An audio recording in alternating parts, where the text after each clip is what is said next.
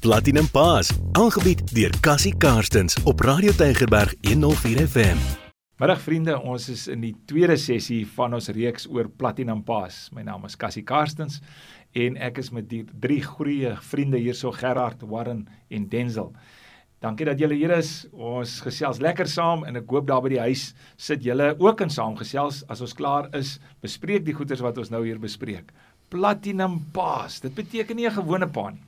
'n Spesiale pa. En almal van ons wil spesiale paas wees. Ons het so saam met ons het ons nou 'n klomp kinders, oor die 10 hier so tussen ons. So ons kan dan so bietjie praat oor pa wees, oor wat ons ervaar het. Nou 'n verskriklike belangrike ding vir pa wees is om te verstaan wat kinders nodig het. Ek sê altyd jy kan nie iemand lief hê as jy hom nie gee wat hy nodig het nie. Jy kan mos nou nie vir 'n babatjie sê ek het jou baie lief, maar jy gee nie vir die babatjie melk want dit is nodig vir die baba om om te groei nie. En so het jy in elke jaar van jou lewe het jy iets spesifiek nodig soos as jy groot word. Nou die dilemma is natuurlik, paas is nie opgelei nie. Ek het nou al gevra reg deur die wêreld, hoeveel opleiding het julle gekry om pa te wees en ai toggie. Die ouens se oë sak as 'n mens daaroor praat. So paas is baie onkundig. Stem julle met my saam dat dat paas baie keer gewillig is, maar onkundig. Is dit nie maar 'n groot probleem nie? Mm, definitief. Ja. So nou moet ons vir paas leer wat is nodig. Nou die eerste ding dink ek om te verstaan is dat die lewe werk in seisoene daar's 'n seisoen voor geboorte. Ons het nie geweet hoe belangrik dit is nie totdat ons navorsing daaroor gedoen het. Dan van geboorte af is daar verskillende seisoene. Ons deel dit sommer so rofweg in oor die ma impak jare wat nie beteken die pa het nie ook 'n baie groot impak nie, maar net die ma se invloed is essensieel. Die pa kan nie geboorteskenkie, die pa kan nie borsvoed nie. So daar is 'n daar is ma impak jare, daar's pa impak jare, dan is nou die tiener impak jare wat later kom en dan is dit nou die vroeë volwasse jare en so meer en dan dan van die kultuur se impak nou later sterker oor. So daar is verskillende seisoene. En vandag gaan ons praat oor die jare voorgeboorte, met geboorte tot 11 jaar oud. En dan volgende week praat ons van van dan nou van daai 12 jaar oud tot so 21. En dit is altyd wat ons het om bietjie te praat oor wat kan paas en maas doen om regtig goeie dinge te belê in kinders se lewe en hulle stabiele lewe te veroorsaak dan nou of te bied. Goed, so hier kom mamma by die huis, groot oogies. Ek is swanger. Alraight. Pa voel baie goed daaroor. Hy gaan 'n pa word. Alraight. En gelukkig gaan hy nie hierdie babatjie dra nie. nou, voorgeboortelik. Wat kan 'n pa doen? Mamma dra nou mos die babatjie rond. Het pa enige verantwoordelikheid daar? Wat sou julle sê? Kan 'n pa daar enigiets doen? Vir my is dit net waar pa net sorg dat uh, mamma heeltemal fyn is uh, want die fase of daai gedeelte waar mamma swanger is en as iets daar verkeerd gaan, het dit 'n effek uh, later in die kind se lewe. So uh, um, ja, ek sal sê dat dat pa moet sorg dat mamma se emosionele kant ook op 'n goeie vlak is wanneer mamma swanger is, nie net wanneer mamma nou geboorte gegee het, nou wil ons probeer dat mamma se emosionele vlak uh, gesond is nie, maar hier gedurende swangerskap ook. Ja. Nou nou nou maar hoekom paas dink aan mamma moes die emosionele temperatuur van die huis bepaal. Nou sê jy nee, pa moet vermaaglik. So pa moet eintlik die emosionele temperatuur van die huis bepaal. Is dit wat ons sê? Ja. Platinum paas bepaal die emosionele temperatuur van die huis. Dis dit ja, reg so. Nou dis 'n groot skuif wat kan plaasvind. As ons net daai skuif teweegbring, dan sal daar klaar hemelhuis toe kom net in daai skuif. Hou vir mamma gelukkig. Nou maar weet jy wat Densel, uh, mamma is dalk nie so lekker met die seksuele verkeer miskien nou na die swangerskap en so aan nie. Nou raak die paas lekker frustreerd. So dan moet hulle nogal oor hulle eie koppe kom wat die ding betref. is dit nie so nie? Ja, nee, dit is so, maar dan moet hy die pa ook uh, dink dat dis nou alles in die beste belange van die kind. So uh, pappa as, as jy nou nie kry wat jy wil by mamma nie, ehm um, dan dink jy aan jou aan jouself. Ja. Maar ehm um, as dit nou in die beste belange van die kind is, dan moet 'n mens maar daai besluit maak. Wow, dit is so 'n groot ding. Ek wens ons kan dit oor en oor vir 20 minute lank sê, die beste belange van die kind, die beste belange van die kind. Dis soos die oriëntasie moet wees. En dan natuurlik kan paas mos nou vir die kind bid ook. Uh dit lyk vir my ons het gesien uit navorsing uit dat kinders optel die gesprek tussen pa en ma later nou in die swangerskap en dat hulle selfs dit onderbewustelik van bewus is van die pa se stem byvoorbeeld. Met ander woorde daai seënbede in die aand, daardie uh vertroeteling van mamma, selfs die net vryf oor magie van mamma oor die kind self en, en met ma op 'n liefdevolle manier kommunikeer. Uh daar sal navorsing wat wys dat kinders die trauma as daar konflik is tussen pa en ma in die swangerskapfase, dat die kinders dit optel en dat wat hulle bly en later uitvalle het. So daai ingesteldheid, daai emosionele ruimte en so aan. Ons het nou nog nie gesê dat die pa se regte dinge moet eet voordat van mamma swanger maak nie, want daar is ook bewys dat as jy nie die regte dinge eet nie dat die kind dan nou ook selfs uh, fisiese uitvalle kan hê. Uh en maar dit is vir 'n latere dag om daaroor te praat.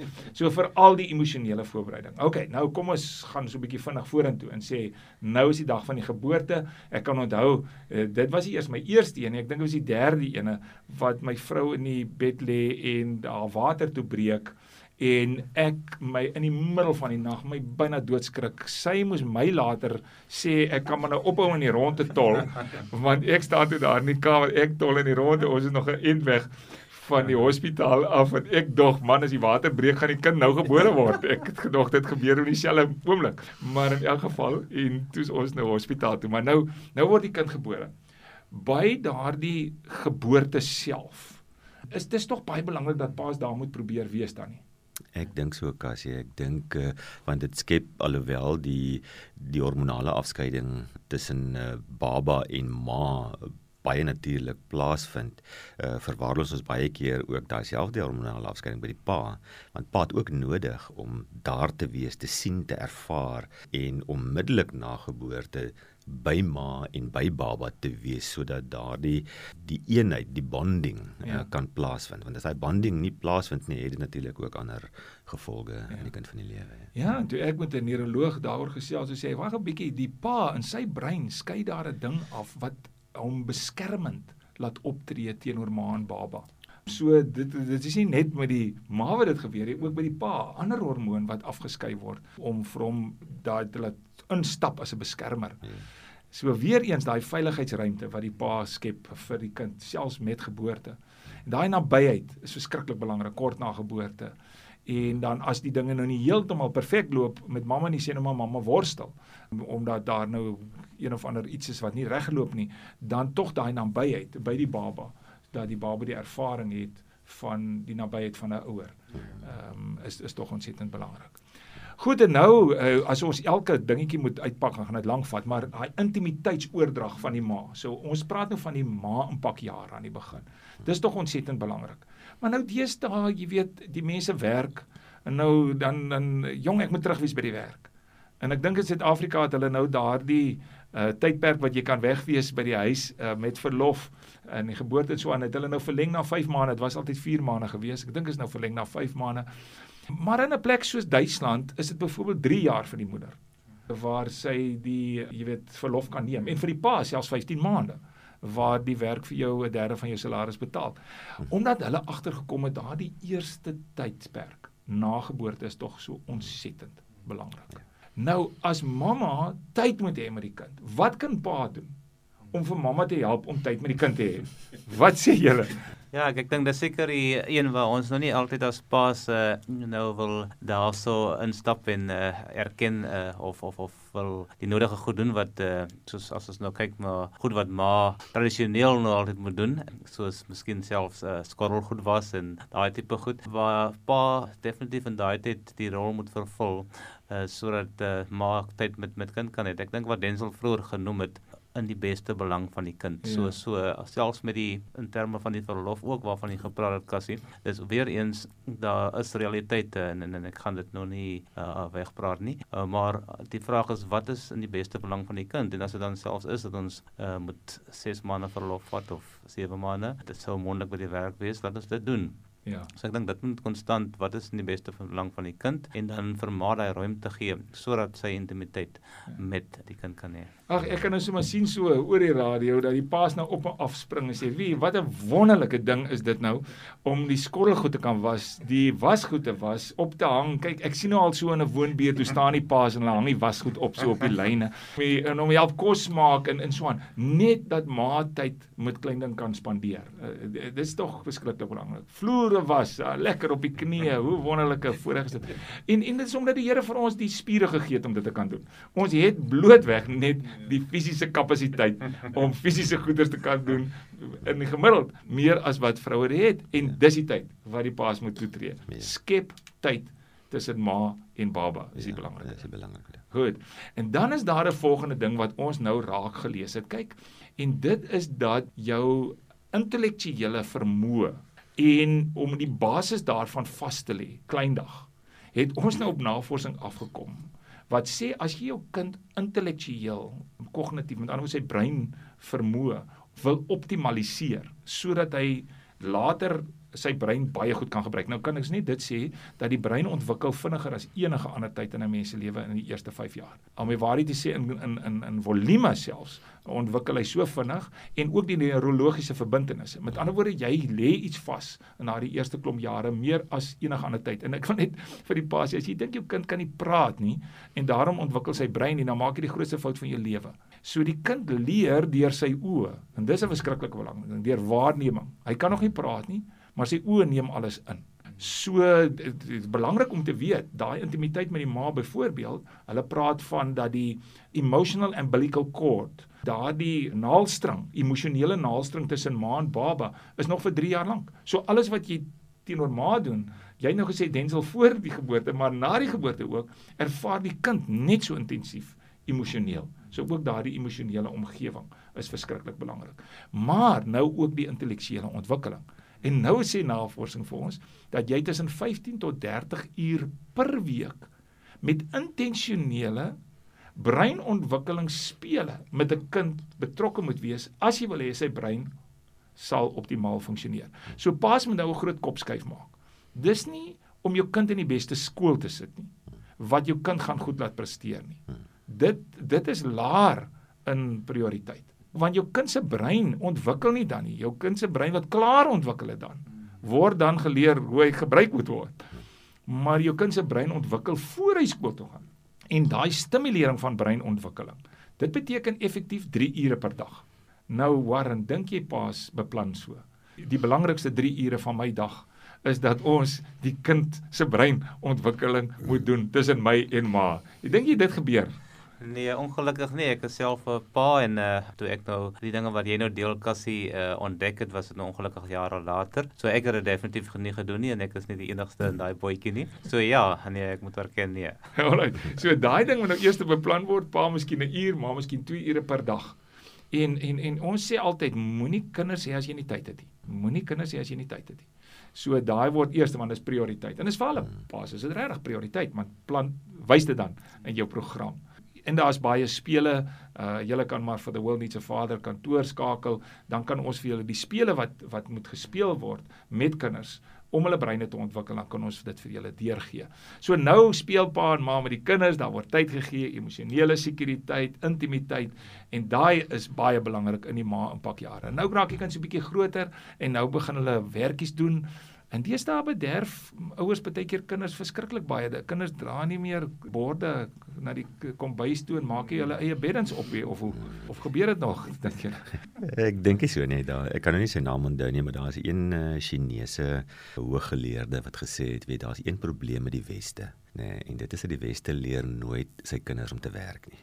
En uh dis absoluut pa se verantwoordelikheid. En as ons nou kyk na die jare se ontwikkeling, uh, dan is pa die een wat die voorbeeld moet stel. Ja. Uh om vir jong kinders te sê, uh luister, kom ons help gou, kom help gou vir pappa vat as die borde, ons pak dit op mekaar, dis ons dit doen. Uh, vat mooi boetie en stap mooi, pappa stap saam met jou en kom ons sit dit daar by die wasbak neer. Ja.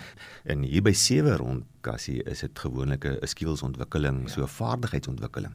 Ja. Dan kan pappa maar die die uh, inisiatief neem om uh, vir boetie te help skottelgoed was uh, Ja. of dat boetie vir pappa help skottelgoed was Ja, ja, ja. eerder. So vanaand was pappa en, en boetie droog af, môre was boetie en pappa was weer en droog af en en so gaan dit aan en, en so leer ons. Ja, of of die kar se wiele hulle omry. Of daar se belang. Ja ja. Maar ja, ja. maar nou kyk, hoekom dit so ontsettend belangrik want dit is soos hulle sê jy, moet voel dat ek het die vermoë. I am capable too. En jy moet dit voel op 4 en 5. Dis verskriklik belangrik vir jou ontwikkeling want op 6 tot 7, 8 Dis waar die pa daardie bevestiging van goeie gedrag moet gee. En vir die kind die selfwaarde konsep, ek is goed, ek kan doen. Dit gee en as jy dit nie dan gee nie, dan het jy uitvalle later in jou lewe waar jy net voel jy's nie goed genoeg vir enigiets nie as jy nou ander foute later maak. So nou beweeg ons van die ma impak jare wat ek wil amper sê die omarmingsjare.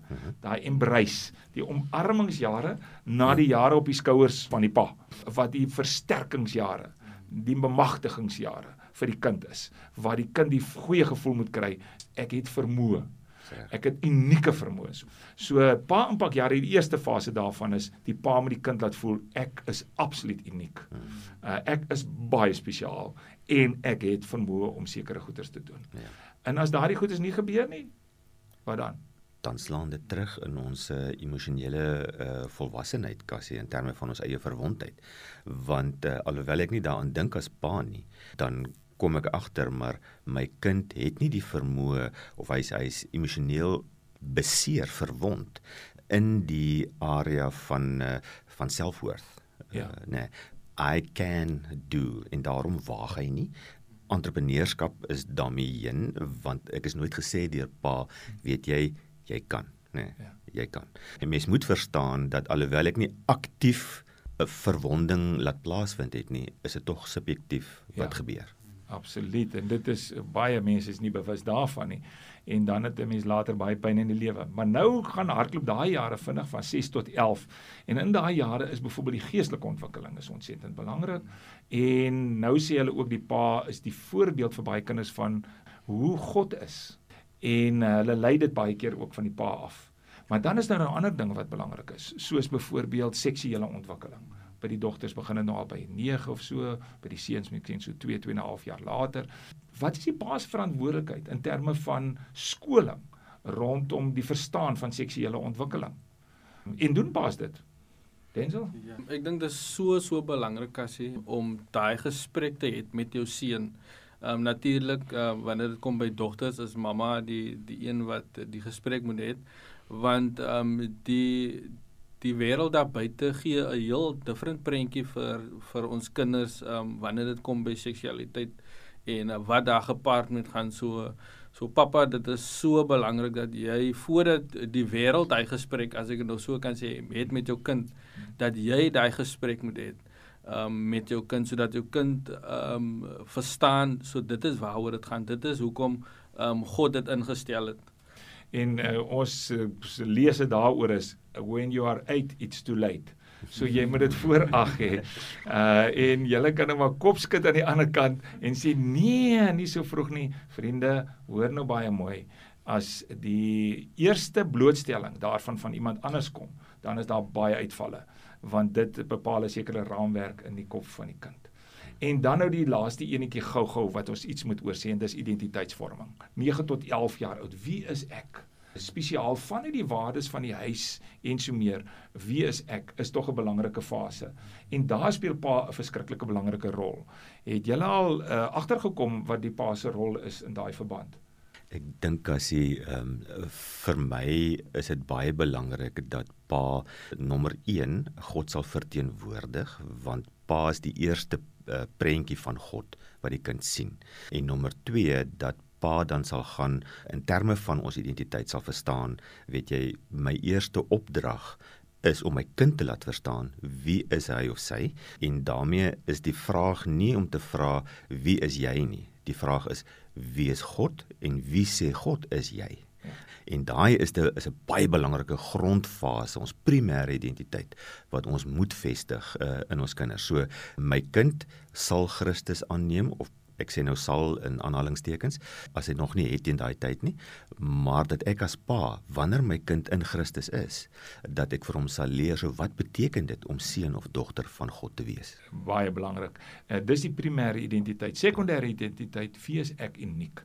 En dit lyk vir my as die pa dit van 'n kind sê wie hy spesiaal uniek is dan graweer hy dit baie diep in kinders in in daardie jare tussen 9 en 11 jaar oud. Goed, ons het wonderlike goed gesien. Die groot les vandag is jy moet bewus wees wat nodig is vir 'n kind elke jaar van sy lewe as jy hom regtig lief wil hê en jy wil 'n platinum pa wees. Baie dankie julle. Dit was Dankie. lekker om te gesels.